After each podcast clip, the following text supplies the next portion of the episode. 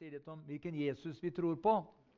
Eh, fordi at, eh, fordi at det, er, det, er, eh, det, er, faktisk sånn at eh, det er dem som tror at eh, Ja, det er mange, det er mange oppfatninger av, hvem Jesus er. da.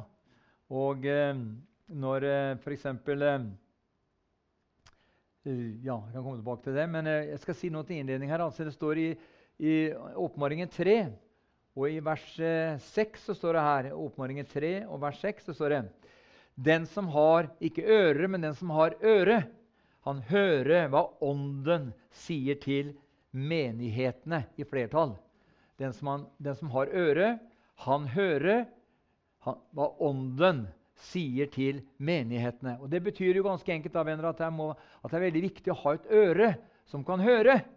For Gud sier noe til menighetene til enhver tid, samtidig som han sier noe til deg og meg.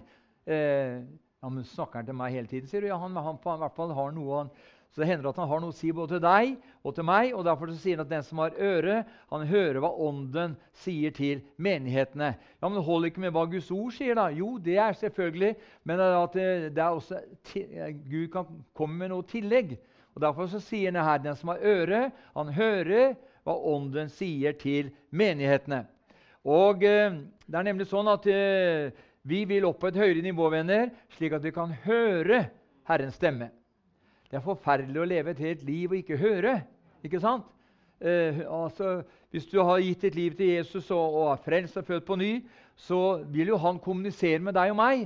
Ja, sier noen, han kommuniserer gjennom sitt ord. Ja, det er helt riktig, det gjør han, men han kommuniserer også ved sin ånd.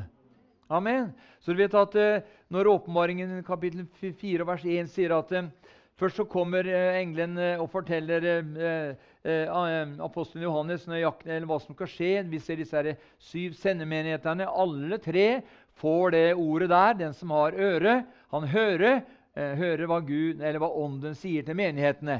I hele runden ser vi alle de syv, syv altså menighetene som, som er nevnt i åpenbaringen kapittel 2 og 3 og hvor det er syv ganger hvor Jesus sier at den som har øre, han hører hva Ånden sier til menighetene. Og Så kommer vi til kapittel 4 og vers 1. Eh, da er ikke vi her lenger. Hvis du leser åpenbaringsboken kronologisk videre, så ser du da at ordet 'menighet' det eksisterer ikke eh, eh, etter kapittel 3 før på slutten av åpenbaringsboka. Og Hvorfor gjør det ikke det? Nei, for det er jo ikke menigheten her. Og Derfor sier han, opp, sier han, her i kapittel 4 og vers 1 så sier han her «Eh, Deretter så jeg og se, en dør var åpnet i himmelen, og den første røsten som jeg hadde hørt tale til meg som en basun Det var det vi kan lese om fra kapittel 2 og 3 her. Eh, sa, 'Kom opp her, eller stig opp her, så vil jeg vise deg det som heretter skal skje, eller det som skal skje etter dette.' Og så står det, 'Straks ble jeg bortrykket i ånden, og se, en trone var satt i himmelen, og det satt en på tronen. Og så kommer det hvordan han så ut, osv. Det betyr ganske enkelt, sånn som jeg ser det, at uh, de første kapitlene her så ser vi da at uh, da kommuniserte han med, med, Johannes sånn direkte sånn, uh, face to face. Men så kommer de inn på neste trinn, hvor han har å si Johannes noe mer. Men da, da, er det, da, er det, ikke jordiske tilstanden for menigheten som, som gjelder lenger. Og da sier han 'stig opp hit nå'. sier han. Opp Kom hjem til meg til himmelen, så skal jeg vise deg det som heretter skal skje. Og Da begynner Johannes å få, å få informasjon eh, fra Herren om hva som skal skje deretter, etter at du og jeg har reist fra denne kloden her. Og jeg ble veldig Jeg må si det er veldig, veldig Jeg må bruke ordet 'veldig' med stor V. Eh, kritisk til store deler av den forkynnelsen som pågår i store deler i Kristi kropp i dag, at vi skal sannelig gjennom trengselen alle sammen. For når apostlene måtte dø eh, måtte gjennom trengselen, så må vi også gjennom trengselen. Langt derifra. Altså, Hvis jeg har en Jesus som ikke kan eh, hjelpe meg og deg, eh, så vi slipper å Akkurat som det er liksom en sånn en, Ja, det kan bli flott, skjønner du, for han har lovet å være med oss. Ja, men da, Og så bruker man den, der, altså, eh, kan vi si, den gamletestamentlige eh, teologien og de fire evangeliers te, altså teologi, og så uteblir, så uteblir alt hva Paulus kom med.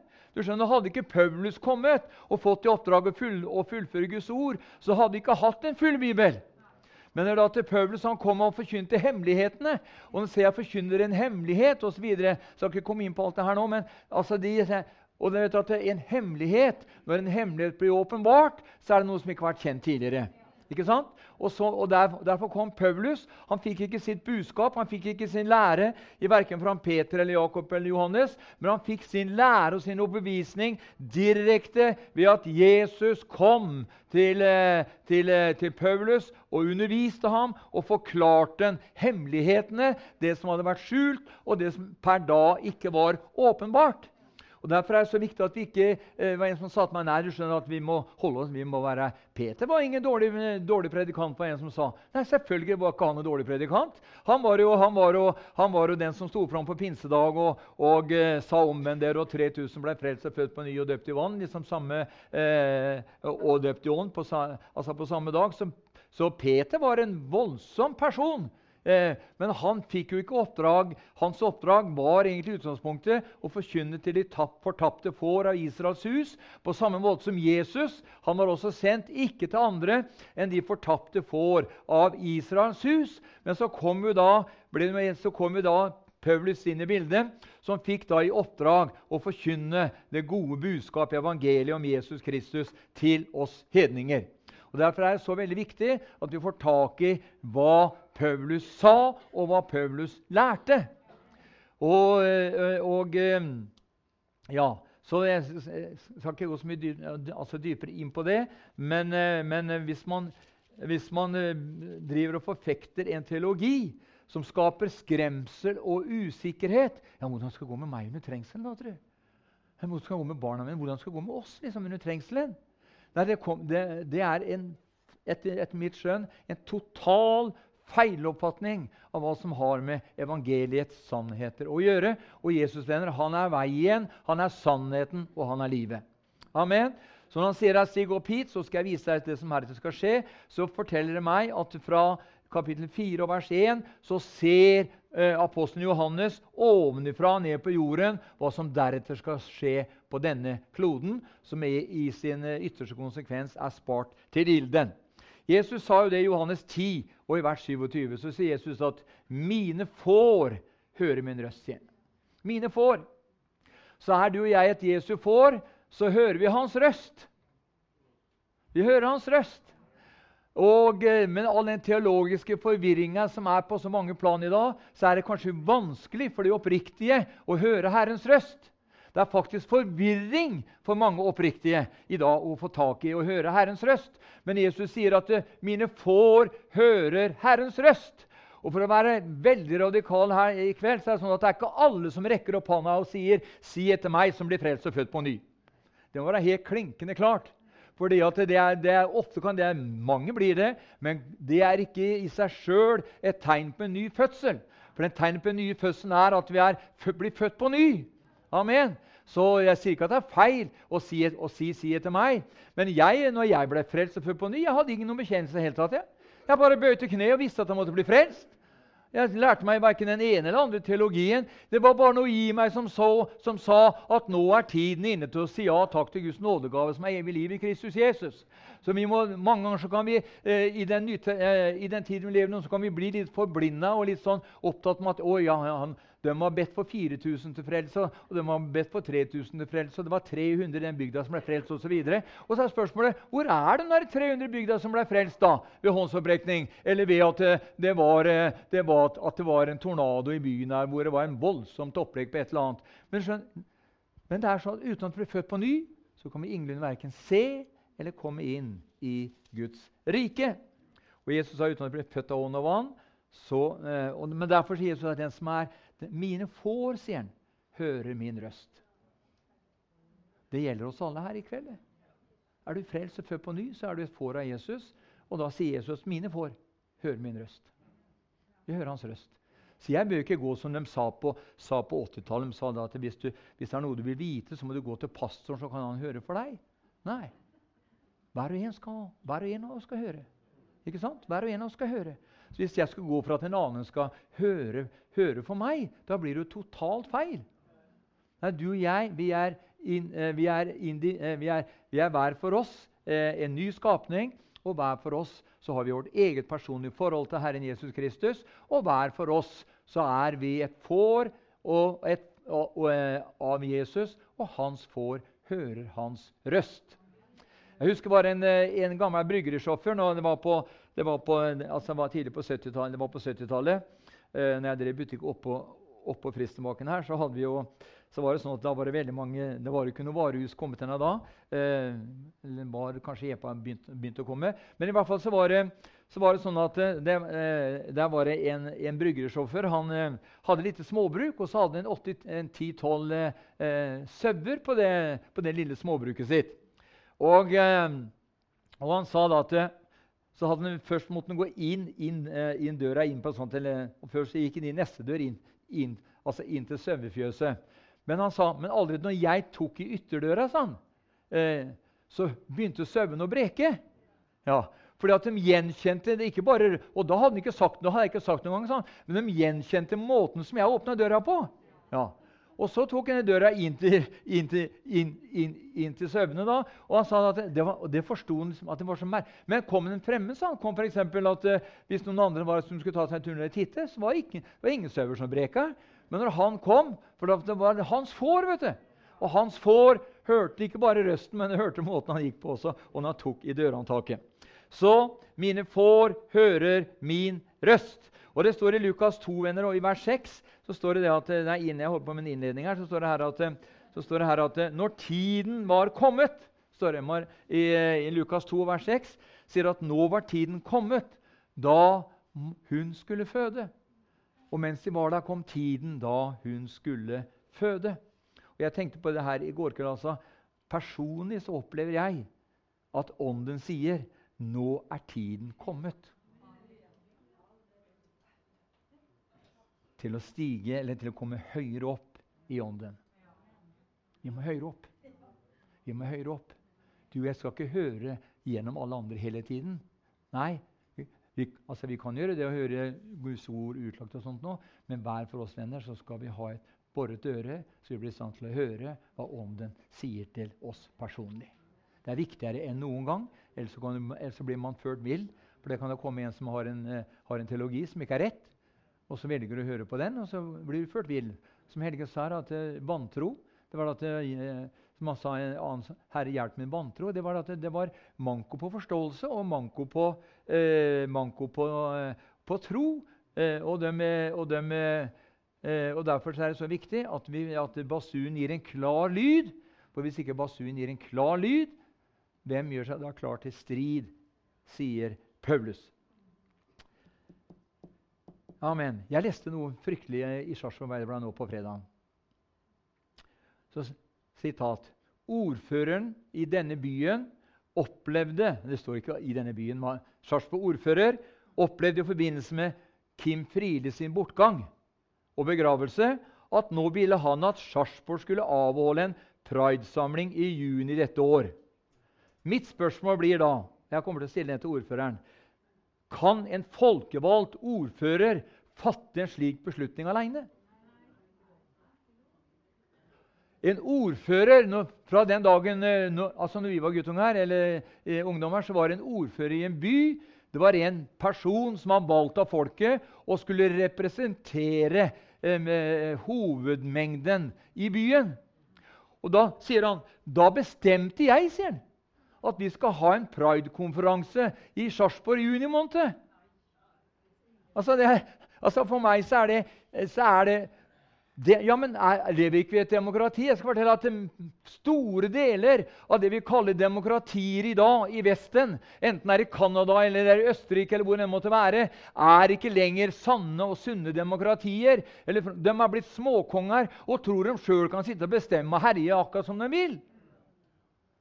Så kanskje den sveitsiske modellen med at det er folkestyre på en del viktige saker, kanskje det, er, kanskje det ikke er så dumt. Nok om det. Men altså, når jeg leste det altså på fredagen i Essa, da, at han, så brukte han da begravelsen til Kim Friele. Og det syntes han gikk, var så fantastisk. vet du. Ja. Men tror 100 av Sarpsborg befolkning det? Er de enig i det? Nei. Det kan være 2% kanskje. Eller 1 Og så så jeg det på, så jeg det på kommentarfeltet, vet du. og det syntes folk var så flott og så fint. Synes det var så fint. Synes det var så fint. Det er fordi at, for at kjærligheten er jo mangfoldig. Jo, men den Ja, skal la det der, jeg, jeg skal ikke snakke om det. Men, men, venner, et av de viktigste spørsmålene som kristenheten i dag bør stille seg, er hvilken Jesus tror du og jeg på? Jeg tror nemlig ikke på en Jesus som vil at du og jeg skal gå gjennom den store trengsel. Og Det kan vi holde bibeltime stolpe opp og stolpe ned på og bevise akkurat sånn er det ikke.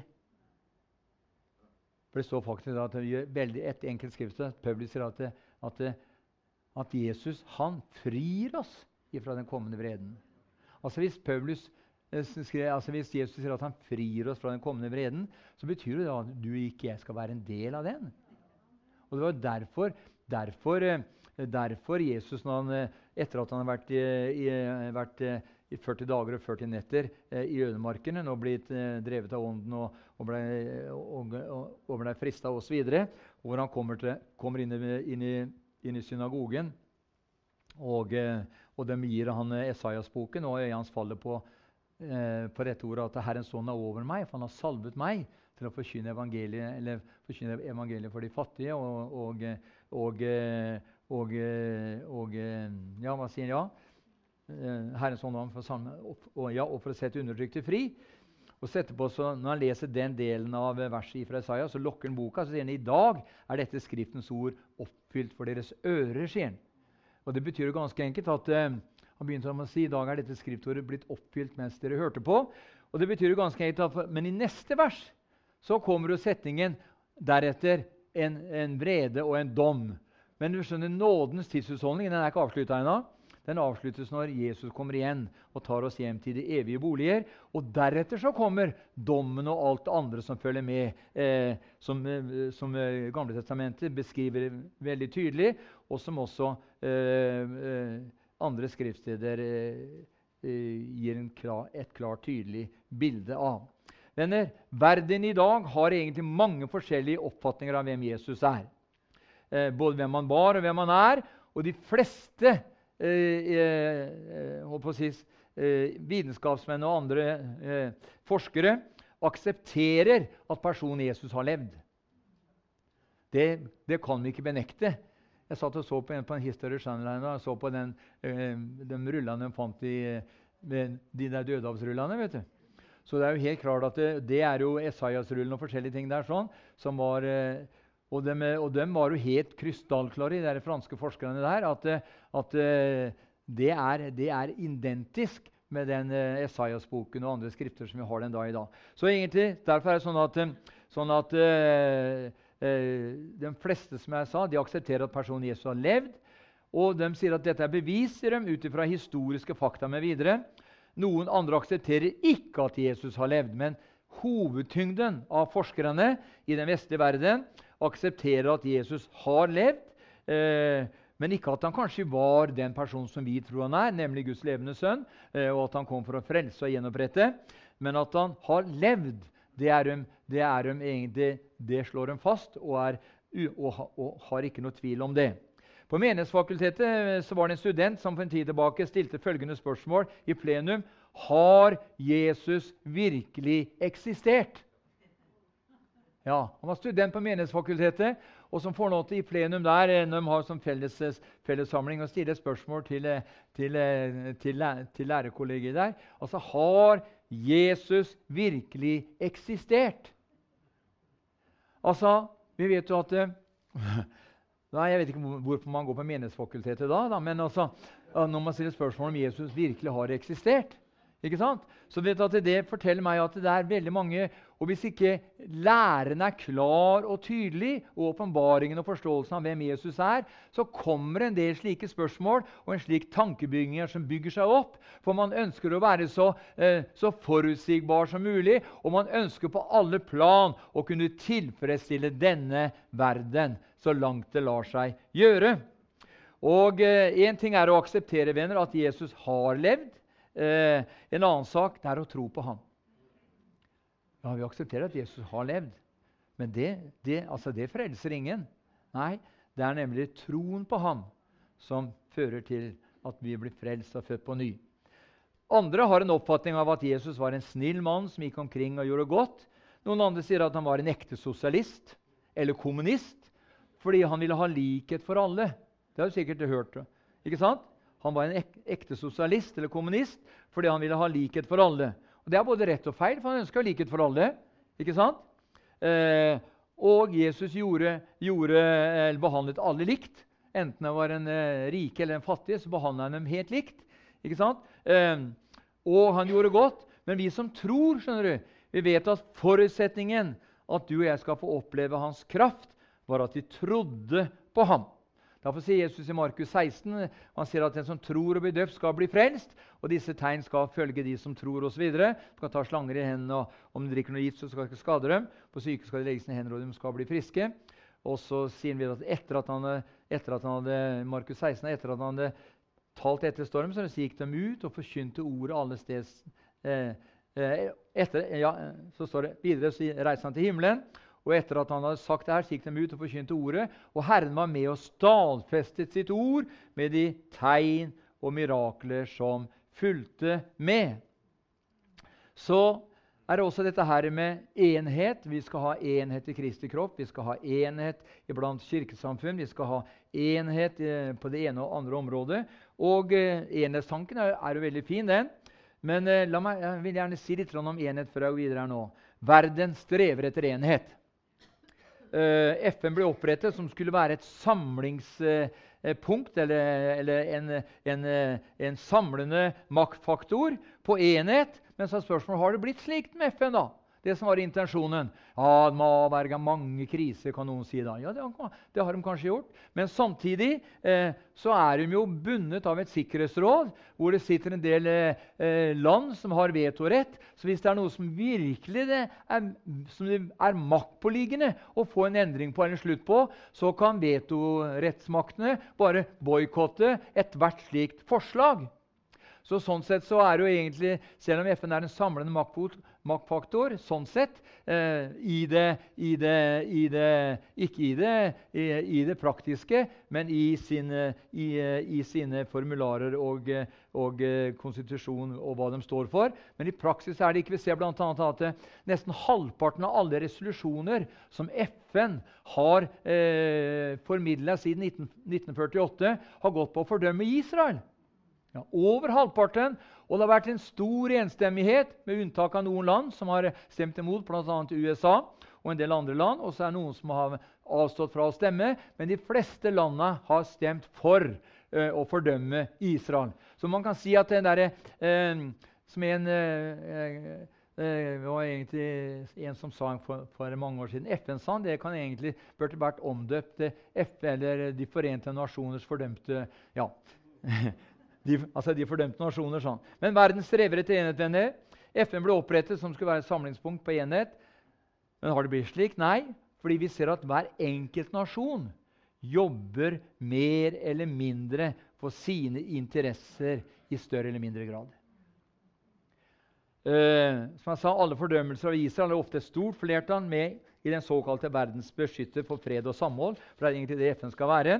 Og vi så at opprettelsen av EU, som begynte med stålunionen i 1952, var det vel, eh, så ble det Europas eh, Tanken er, jo Europas forente stater, men de har holdt på siden egentlig i hvert fall, eh, Det begynte med stålunionen i 52 osv. Altså, I dag så er jo EU et, eh, et, et, et fellesmarked som består av, av, av, av 27 land. Og så har vi tre nasjoner som er såkalte såkalte eh, EØS, eller som har en bilateral avtale med dem, nemlig Norge, Island og altså Liechtenstein. Ellers er, det, ellers er det 27 nasjoner som er en del av dagens EU.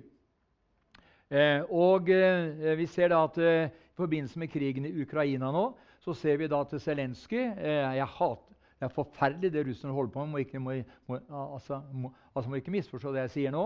Men når Zelenskyj får sånne frie tøyler til å tale til hver nasjon omtrent i Europa og får lov til å, å henge europeerne ut og sier følgende Hvis ikke dere kommer med mer våpen Dere er noen feiginger. Dere tenker bare på penger. Og så sier han at hvis ikke, kommer, hvis ikke dere nå bidrar mer, så må dere være klar over at det er Russlands plan å ta dere også. Det sa han i går. Og eh, jeg synes den der, Han er jo en skuespiller, og jeg synes egentlig han er, man setter stor pris på hans pågangsmot og djervhet og måte å være på. Men det er noe i den tankegangen der som ikke er bra. Og så ser vi da at det er en del nasjoner også, som, eh, som bl.a. Annet, uh, Ungarn, som, er, som, har 90% av sin gass og olje ifra, uh, fra Moskva. Og så sier han ja, dere, må, dere er ikke våre venner lenger, dere må kutte ut alt kjøp osv. Og, og så ser vi da at det er energikrise i Europa. Det er energikrise. Det er for lite strøm. Gassprisen, strømmen har gått opp ti ganger, gassprisen har gått opp ti ganger, og olje har gått opp med 50% Og Hva er årsaken til det? Jo, for at det er energikrise. Også alle, alle produsenter i dag øker sine priser kraftig, fra 5 og helt opp til 50% opp til 100% fordi de skylder på krigen i Ukraina. Men det er veldig mye som, eh, som, eh, som, eh, som ikke involverer eh, produksjonen i verden som har med Ukraina å gjøre. De er jo ikke verdens største leverandør av råstoffer. og alt som er, er de det? Selv om de leverer en del saker og ting. Eh, så er det sånn at, så er det sånn at vi, vi, på en måte vi, vi bruker den unnskyldningen for Men hva er, er, hva er, årsaken til at det er disse maksimale strømprisene i Norge? da? Hva er årsaken til at diesel- og bensinavgiftene er blant de høyeste eh, på, som det aldri har vært maken til. Årsaken er det grønne skiftet. Jeg svarer på det. Så enkelt er det. Så enkelt er det. Fordi at, eh, fordi, ja, men Er det det som er det? Ja visst er det det. For, for virkeligheten er det venner, at, eh, at, eh, vi skal nå et klimamål på halvannen grad eh, redusere eller, innen år 2030. Og så ser vi da at hvorfor, hvorfor er klimakrise? Jo, eller energikrise. Fordi Tyskland har lagt ned mange av sine atomkraftverk. Sverige har lagt ned tre av sine. Belgia har lagt ned, og Holland har lagt ned. Og nå er det krise. Og så, tror, så nå henvender alle seg mot nord, mot Norge. 'Norge, dere må komme og hjelpe oss!' Og virkeligheten er at den som styrer energimarkedet, bestemmer. Så når russerne sitter der med 30-40 eh, av det tyske markedet på olje og gass, og det ikke er nok, eh, nok, å hente andre plasser, hvor skal de få det da ifra? Hvis de skrur igjen kranen Jeg bare nesten profeterer for det her i kveld og sier det kan hende det kan skje. Da vil det være med, da vil den nedgangs, eh, nedgangskarusellen som, som, kommer til å komme over Europa og det meste i verden, den kommer til å gå med en kolossal fart. Fordi at når alt blir, når, alt blir, eh, når eh, Europas største økonomi, Tyskland osv., begynner å mangle, så må uh, mangle energi Og hvis de da gjør som Zelenskyj sier, bare stenger av alt som heter kraner, og alt som er, ja, men så får jo folk lide. da, men så, ja, skal ikke jeg preke politikk her, altså, men altså, jeg bare sier at det, hovedårsaken til hele uh, elektro- eller kan vi si krisa i, verden, i Europa i dag, det er altså energikrisa, det er det grønne skiftet. Det er det grønne skiftet. Ja, men, kan, ja, men, ja, men er, det, er, det, rett, da? Ja, kan, det er rett. Sånn som jeg ser det. Det er rett.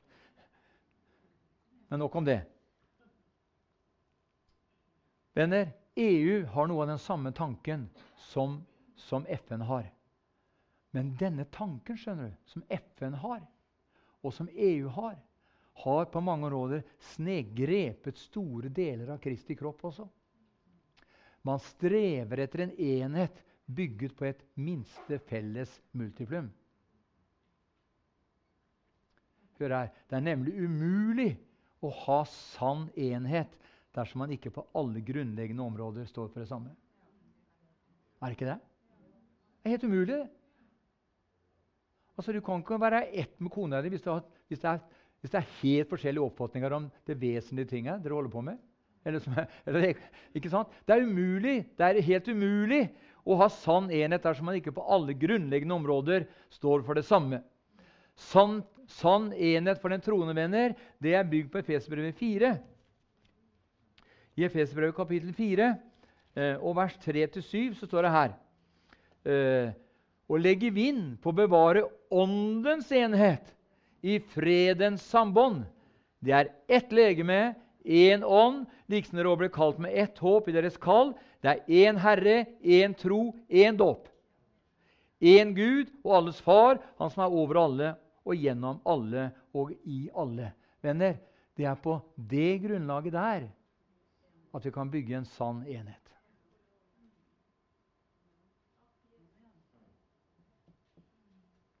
Og det handler også vers 13 gis videre i vers 13. Inntil vil alle nå fram til enhet i tro på Guds sønn og i kjennskap til ham, til manns modenhet, til aldersmålet for Kristi fylde. Hva det handler om, venner? Det taler om at Guds tanke om enhet handler om troens enhet. Det er ikke flere herrer, det er ikke flere dåper. Det er én herre, én tro, én Gud, én far, osv. osv. Ett legeme. Det er ett legeme. I ett legeme, venner, så tilhører alle lemmer hverandre. Lilletåa mi er en del av kroppen min og din. Og det er umulig for den å leve atskilt fra kroppen. Det er helt umulig for, for altså, lilletåa mi å, å leve atskilt fra, fra, kroppen. Kutt den av. Hvis jeg kutter den av, så vil ikke lilletåa leve. Den vil dø. Den vil dø, For den tilhører legemet. Og Derfor er det så viktig at vi er, blir bevisstgjorte på hvem vi er, og hvem vi tilhører. Og eh, vi tilhører Kristi legeme. Halleluja. Og Gud har nemlig satt velsignelsen midt i menigheten eller midt i sitt legeme. Hvis vi ser nærmere på tempelets oppbygning, så ser vi at hver sten i tempelet var hellig. Hver for seg var stenene ikke en åpenbaringsplass, men når de var satt sammen og tempelet var ferdig, da kunne Herrens herlighet åpenbare seg.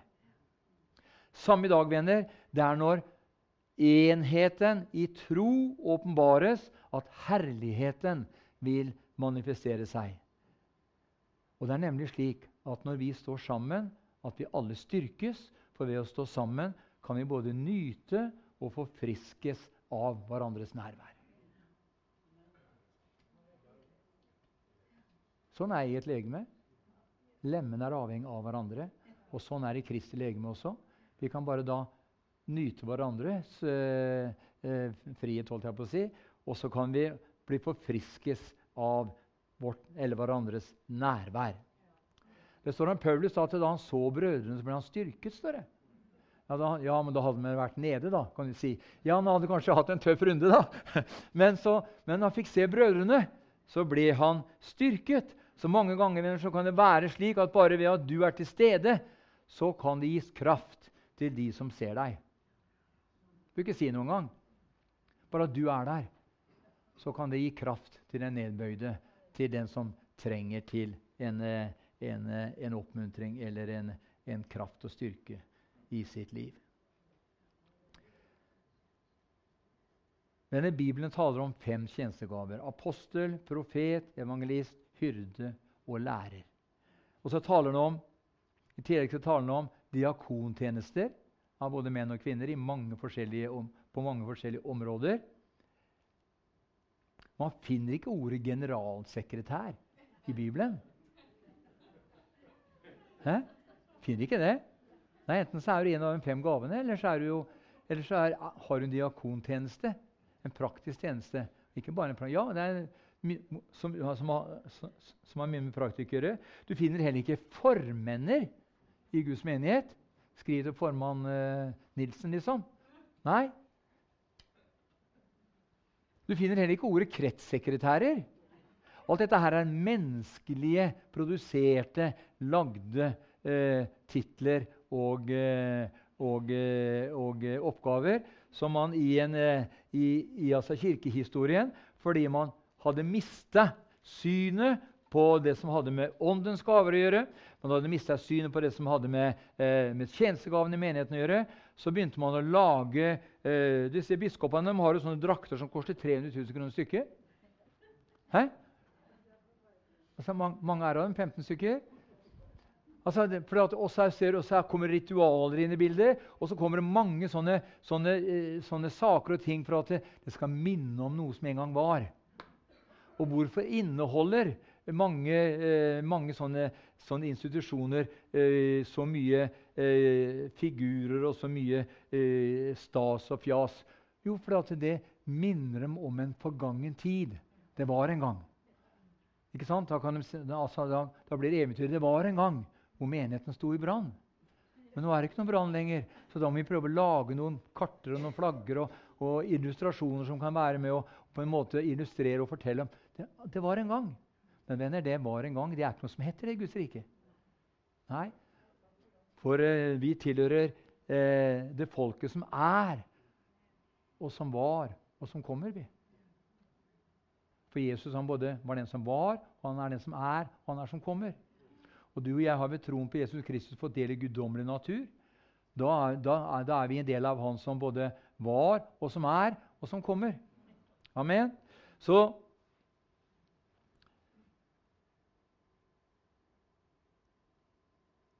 Og det er satt, som jeg sa, Hver sten i tempelet var hellig. Hver for seg, eh, var, sten, hver for seg var stenene ikke en åpenbaringsplass, men når de var sammen, så kunne Herrens herlighet åpenbare seg. som jeg nevnte tidligere.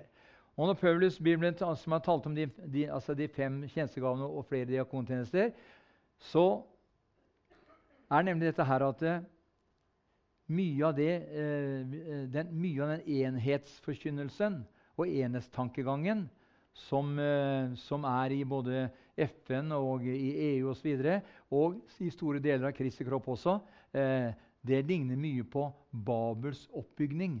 Det har på en måte, det har noe med og, det, og, det, eh, og, det en, og Derfor så måtte Gud forvirre dem. For de, hadde, de, sa la oss bygge et hus som når like opp til himmelen. står det. Og da kom Gud, og så skapte, der fikk vi dette med Babels forvirring, hvor han spredte, spredte menneskene over, over, hele jorda og eh, ga dem forskjellige språk. Eh, og da blir det, det blir ikke riktig som Heyerdahl sier da, at det var liksom, de reiste noen i papyrhusbåter fra det og det området til det og det området. Det var Gud som spredte menneskene over hele kloden. Så tiden er inne, mer enn altså noen gang, til å tale som Guds ord. Amen. Eh,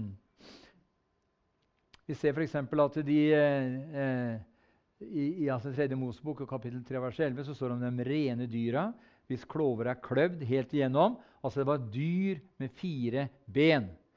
Men eh, det er også noe annet med fire ben. Det er, Kristi, det er, Kristi, det er Guds menighet.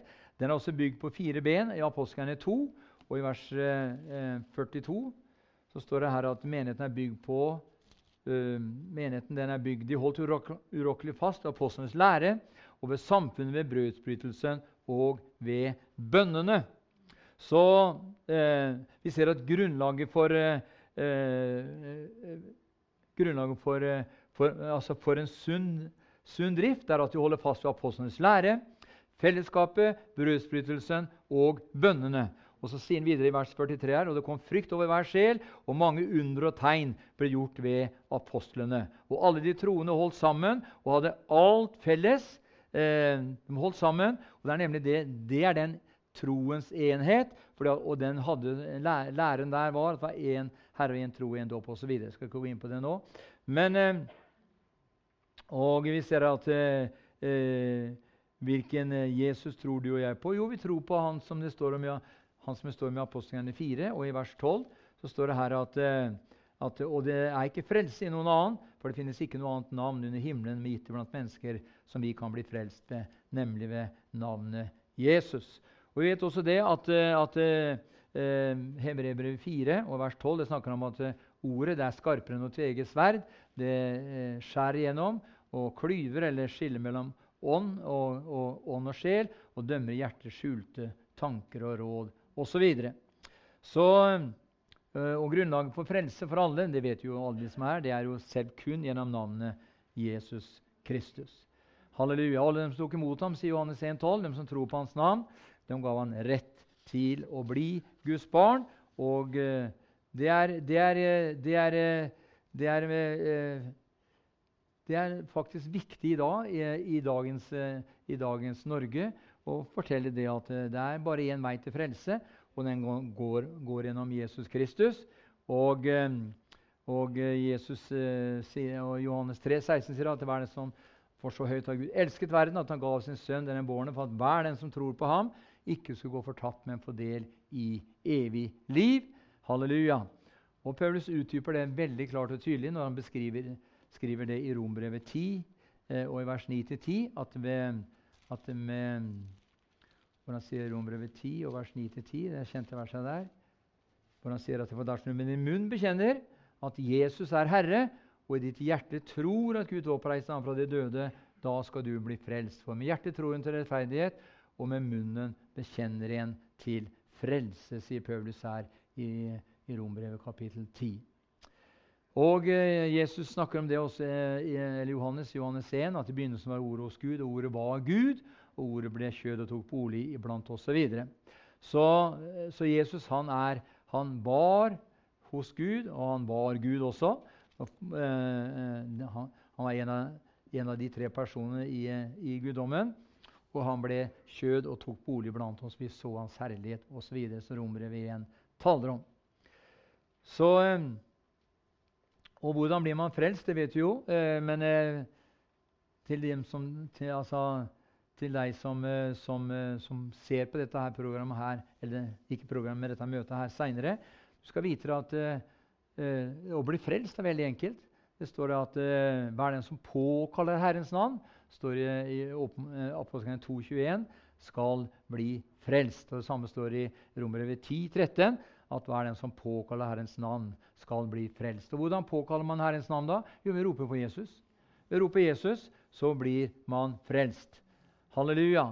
Så er det også det som er viktig, det som jeg tenker mer og mer på om dagen. Hvordan, hvor, på hvilken måte levde Jesus og når han gikk her nede på jorda. Og Vi vet at Apostlene 10,36 sier at Jesus Kristus fra Nasaret var salvet av Gud med Den hellige ånd og ild og gikk omkring og gjorde vel og helbredet alle som var overvel, eller overvunnet overveldet, eller overvunnet av eller, ja, som var overveldet av djevelen, fordi Gud var med ham. Så han eh, alle som var underkuet av djevelen, for Gud var med ham. Så det at eh, For Gud var med ham. Og eh, i Johannes 14, eh, og vers 12-14, så sier Jesus at sannelig, sannelig sier jeg dere, den som tror på meg, han skal også gjøre de gjerninger jeg gjør. Og han skal faktisk gjøre større gjerninger enn dette, for jeg går til min far. Og hva som helst dere ber om i mitt navn, det skal jeg gjøre for at Faderen skal bli herliggjort i Sønnen. Om dere ber meg noe i mitt navn, så skal jeg gjøre det, sier Jesus. Halleluja. Så, eh, og, og hva betyr det for deg og meg? Jo, Jesus sa at han verken sa eller gjorde noe uten at Ånden viste ham det. Og Det betyr at Jesus ikke gjorde noe ut av sin egen vilje, men drevet av eh, Guds ånd, så både gjorde han og talte han. Han sa det, jeg er ikke kommet for å gjøre min egen vilje, men å gjøre Hans vilje, som har sendt meg, osv. Ja, men det var Jesus, det. Og det er spørsmålet er en, and, er en annerledes lettere vei for deg og meg i dag. Nei. Romerbrevet 8,14 sier at for så mange som er drevet av Guds ånd, de er Guds barn. Det vil si, mine får høre min røst, og det er når vi er drevet av Ånden, at vi blir i stand både til å høre og gjøre. For trovenner er jo å høre og gjøre, og Jesus han var jo selv både troens opphavsmann og troens fullender. Det står om Samson, eh, som fikk i oppdrag å være med å frelse israelittene fra filisterne. Det står om han at, eh, at når Guds ånd begynte å drive ham, så, så var det at da, da, var den overnaturlige kraften tilgjengelig. Så derfor at, at menigheten er ingen, er, ingen, er ingen, menneskelig bygd institusjon eller organisasjon. Menigheten er en overnaturlig, levende organisme hvor Jesus er herre. Og det er utfordringa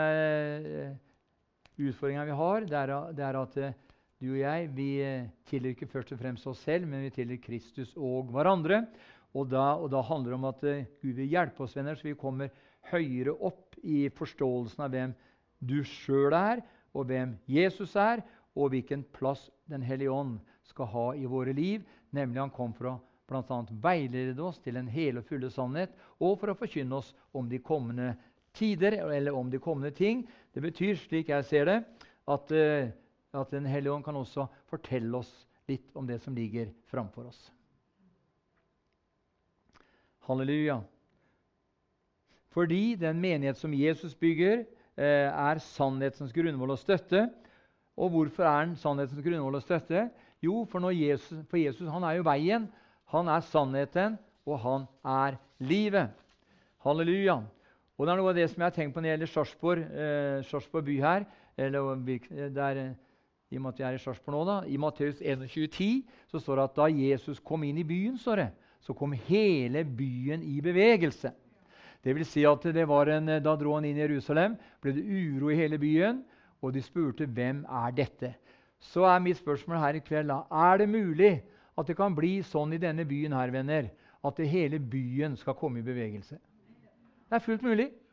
Herren vil at hele byen, ikke bare Sarpsborg, men i Rakstad, Fredrikstad, Halden overalt, han vil at der hvor vi bor, hele området der hvor vi bor, skal komme i bevegelse. Men det har med min og din og våres felles overgivelse å gjøre.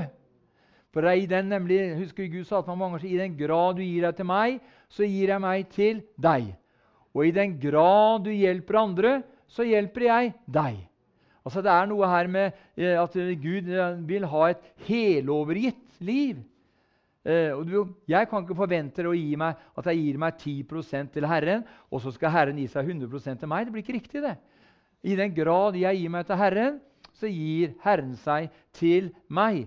Og når Jesus dro inn i byen, kom hele byen i bevegelse. Og jeg tror, jeg husker helt fra 70-tallet så husker jeg at Gud talte så mange ganger om hva han skulle gjøre i denne by, dette området. Gud vil snu opp ned på denne byen. Amen. Så det er ikke denne byen skal ikke bli kjent for verken Olav den hellige eller Pride-konferanser eller hva det måtte være. Men den skal bli kjent for at Jesus Kristus troner i denne by. Amen. Halleluja. Og Det er nemlig det jeg opplevde den natta, natta den 15. Eh, eller natt den 15. januar. Eh, blir natt den 16. Da, januar i 1996, når vi kom inn her på, her på Victoria eh, og, og, skulle, og, skulle, overta bygget her. Sånn, og, vi, vi, fikk nøklene, og han, som, han nordlendingen som leita her, han hadde akkurat, akkurat lagt ned eller avslutta sitt, sitt, leie, sitt, leieforhold her. og og, eh, og Lars Pettersen han eh, gikk inn her og tok en kopp kaffe. Og så sier han at eh, for vi var inne og så på det bygget der, vet du, det røde mursteinsbygget til håndverkeren. Men vi visste at det var ikke håndverkeren som Gud hadde talt om tidligere. Han hadde talt om gamle Victoria hotell. Og Så sier han Lars at det skal ikke over til her. sier han. Og Så gjør vi en deal der og da mens vi sitter der inne. og så så da var det sånn at Jeg har nevnt det før, men jeg kan ta det igjen. Da var det sånn at Sånn at uh, De hadde en avtale med svenska Jernvägen, også NSB, at var fem, de hadde fem rom her som konduktørene brukte, brukte på huset. her, var kort vei ned til jernbanestasjonen. Og, eh, og, da husker jeg det eh, at, at, at, at jeg For da skulle den ene svenske togføreren, han skulle, eller lokføreren, han skulle, eller konduktøren, hvem han var, var for en svensk eh, fra svenske jernvegen. Han skulle komme her klokka halv tre på natta natt til den, natt den 16. januar. Og han skulle da ha en kopp kaffe før han gikk på, gikk på rommet sitt. og Han ble enig om at da skulle jeg sitte nede her eh, og vente til klokka halv tre. Og Da var det en resepsjon der ute. Og Da satt jeg der, og han kom klokka halv tre og han, eh, Nå kan jeg ta det som skjedde før der. Tre, tre ganger før der, mens jeg satt nede og leste og satt og venta, så, så, gikk det sånn i antasje bortover. Og jeg sprang opp i antasje og titta bortover. Det var ingen der, vet du. Og jeg gikk når jeg, gikk når jeg satte meg her, så, det, så, begynte det å gå igjen. vet du. Og så, for han Lars sa en ting til meg. skjønner du, Vær litt oppmerksom på rom 210, sa han. Han sa ikke noe mer enn det, men for det spøker det der? sa jeg. Nei, jeg sier ikke at det spøker, seg, men vær, vær, litt sånn oppmerksom på det rommet. og så, og så, så, kom det, og jeg, Andre ganger skjedde det samme, det gikk igjen, og tre ganger skjedde det igjen. Da skjønte jeg hva det var. Og, opp, og Da kom det igjen, og da sto jeg, sto jeg oppe i gangen antar seg, og så ropte jeg innover og så skrek jeg, i Jesu Kristi Nazarets navn. Du demon fra helvete, kom ut av dette huset her og vend aldri mer tilbake. Og jeg gikk imot og skrek av all min røst. og Så gikk jeg ned og satte meg. Det var helt stille. Og så, og så, kom, da, så kom han da eh, så kom han klokka halv tre, han fikk kaffen sin, og han skulle gå og legge, han skulle og legge seg. Så gikk jeg opp, opp for å legge meg. Og Hadde ikke lagt meg, mer, lagt meg, mer, lagt meg ned mer enn på, sofaen, nei, altså på senga der. Så står det en, så står det en, kommer en svær kar eh, altså utafor døråpningen. Eh, og han var kledd i Olav den helliges modur. Han hadde he helt tydelig Og så står det, har han en kar på høyre side og en på venstre side. Og de var kledd i sånne sekkmelsposer eller sånn som Robin Hood-filmer. Husker du gamle Robin Hood-filmer? De var kledd i sånne brune, sånne, eh, brune sånne sekker. vet du. Og så sa han til meg denne byen sa han, har jeg rådd grunnen i snart 1000 år. sa han. Og jeg skal fortsatt råde, grunnen her, for denne byen tilhører meg. Sånn. Og nå skal jeg vise deg hva jeg gjør med dem som ikke adlyder meg. Så dro han opp det svære sverdet sitt og så hogg han huet han på høyre side, og så hogg han huet han på venstre side. Da kom Guds ånd over meg, helt overnaturlig. Jeg spratt opp og kom imot den, der, den fyrsten i Herren Jesu Kristi Nasarets navn Han sa fra i dag av skal den byen ikke lenger være kjent som Olavs by, men for en by som tilhører Jesus Kristus. Og jeg kom imot den. Poff, sa det, så var borte. Så var borte. Eh, og og Da begynte det litt, litt sånn levende etter hvert. Da. Men det som skjedde var i hvert fall, og det er det jeg sier, Da Jesus kom inn i byen, kom hele byen i bevegelse. Gud vil venner, at hele byen her skal komme i bevegelse. Det er ikke ordfører og rådmannsdirektør eller hva de kaller seg alle sammen. Det er ikke dem som skal sette dagsorden i denne byen. Det er Guds menighet som skal sette dagsorden. Men en menighet som sover og ikke hører Herrens røst, blir ikke i stand til å sende, sette noe dagsorden i denne by. Men derfor har vi bestemt oss, har vi ikke det? vi som er her i kveld, at vi skal være med og sette dagsorden i denne byen. Sammen skal vi seire, og sammen skal vi få se at navnet Jesus skal blomstre i denne byen, og Sarpsborg skal bli frelst og lære sannheten å kjenne. Amen. Halleluja. Eh, Jesus sier i Johannes 1, 17 at, at loven ble gitt til Moses. Nåden og sannheten kom ved Jesus Kristus.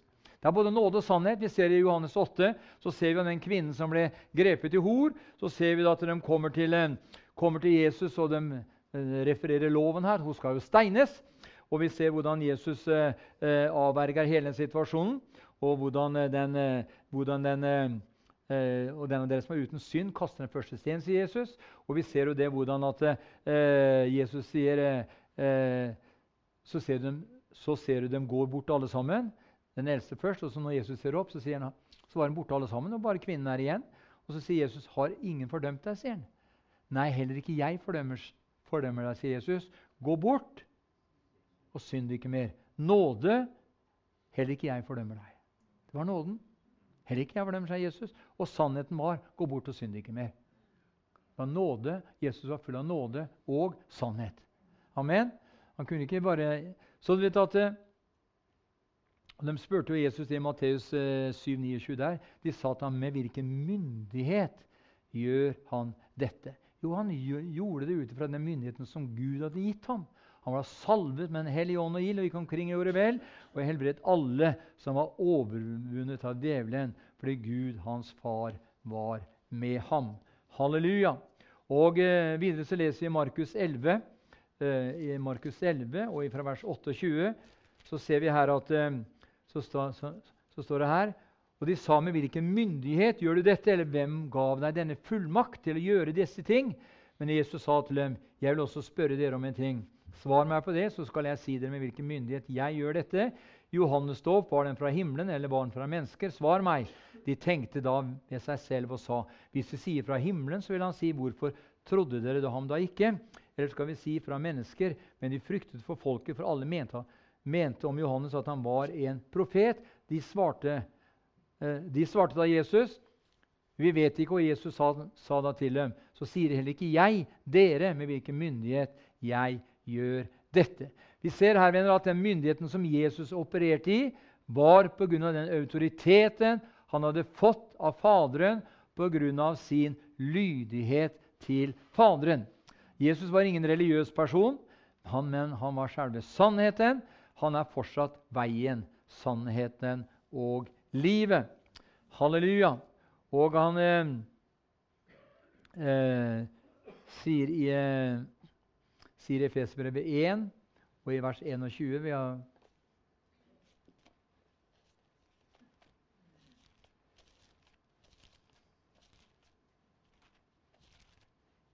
I Efesbrevet 1 og fra vers 21 så står det her at eh, Og hvor overveldende stor Hans makt er for oss som tror, etter virksomheten av Hans veldige kraft. For denne han viste på Kristus da han reiste ham opp fra de døde og satte ham med sin høyre hånd i himmelen over all makt og myndighet, over alt velde og herredømme, over hvert navn som nevnes, ikke bare i denne verden, men også i den kommende. Alt la under hans føtter og gav ham som, eh, som hode over alle ting til menigheten, som er hans legeme, fylt av Han som fyller alt i alle. Også dere har han gjort levende, sier han her eh, i vers, kapittel 2, vers 1. Dere som var døde ved deres overtredelse og synder. I disse vandret dere før på denne verdens vis, etter høvdingen over luftens makter, en ånd som nå er virksom i vantroens barn. Også vi vandret alle blant dem i vårt kjøds lyster, og vi gjorde kjødets og tankenes vilje. Vi var av naturen vredens barn, liksom de andre. Men Gud, som er rik på miskunn, har pga. sin store kjærlighet, som han har elsket oss med, gjort oss levende med Kristus. Vi som var døde ved våre overtredelser, av nåde er dere frelst. Han oppvakte oss med ham og satte oss med ham i himmelen i Kristus Jesus, venner, for at han i de kommende tider kunne vise sin nådes overveldende rikdom i godhet imot oss i Kristus Jesus. For av nåde er dere frelst ved tro, og dette er ikke av dere selv, det er en Guds gave. Det er ikke av gjerning for at ikke noen skal rose seg. Så sier han videre i vers 10.: For vi er Hans verk, skapt i Kristus Jesus til gode gjerninger, som han på forhånd ferdig for oss for at vi skulle vandre i dem. Halleluja. Venner, har, Jesus har gitt oss autoritet, han har gitt oss makt til å, å, til å bruke dette mektige navnet Jesus. Han oppvakte oss med ham og satte oss med ham i himmelen i Kristus Jesus. Halleluja. Så kraften i dette navnet venner, det gis til de som adlyder ham, som hater synd og står den onde imot, faste i troen. Halleluja. Så eh, på samme måte som de fordøms hellige, eh, som fungerte i den overnaturlige kraften, var kjent for ikke å kompromisse på sannheten, men de var sannhetsvitner på vegne av Jesus. Halleluja. De var fulle av kjærlighet til synderne, samtidig som de ikke bøyde seg for religiøsiteten. Og Det var det som skjedde med Hans Nilsen Haugå. Ho hovedårsaken til at han fikk det gjennombruddet han, eh, han hadde og ble, og ble, opphavet til, var fordi at han adlød Jesu befaling på alle områder og eh, elska synderne og, eh, og eh, sto de religiøse maktene imot. Halleluja. Så eh, ja Vi Vi, vi nå, i 2020, nå i 2022 så er vi glad for at vi er frelst. Vi er født på ny. Og Herren vil gjøre noe i ditt liv og i mitt liv og i vårt liv som eh, Gud talte til oss for mange mange år siden. Oppe på Holleby skole med Jan Erik Pettersen var der bl.a. Og Arne Bakken var der. Og vi husker at vi, vi fikk et, Herren talte til oss og sa at han ville gjøre noe i dette området som får det til å ringe i ørene på nasjonene. Ja, Men det var voldsomt, da, sier du. Ja, nei, men jeg tror på en stor Gud. Ja. Jeg tror på en stor og mektig Gud. Og jeg tror at når du og jeg kommer inn i Guds plan på alle områder med våre liv, og begynner å adlyde ham på alle plan og på alle områder, og, og blir egentlig ferdig med oss sjøl At jeg, jeg, må bli ferdig med meg. Arne Lund han må dø helt bort. Og så må bare, Da de så opp, så så de ingen annen enn Jesus og ham alene. Både, både Moses og Elias de var ikke der lenger, men det var Jesus og ham alene. Og Jeg er helt overbevist om at uh, han som begynte en god gjerning i ditt og mitt liv, hans plan er å fullføre for hver og en av oss. Og Derfor tror jeg det er viktigere enn noen gang at vi setter av tid til Herren, går inn i vårt lønnkammer, søker Han i lønndom, så vil Han lønne oss i det åpenbare. Halleluja. For Gud har en plan for ditt liv, han har en plan for mitt liv. Og sammen skal vi seire, og sammen skal vi få se Guds rike bryte igjennom i, den, i dette fylket, i denne nasjonen, på en slik måte som vi aldri har vært, vært vitne til, til tidligere.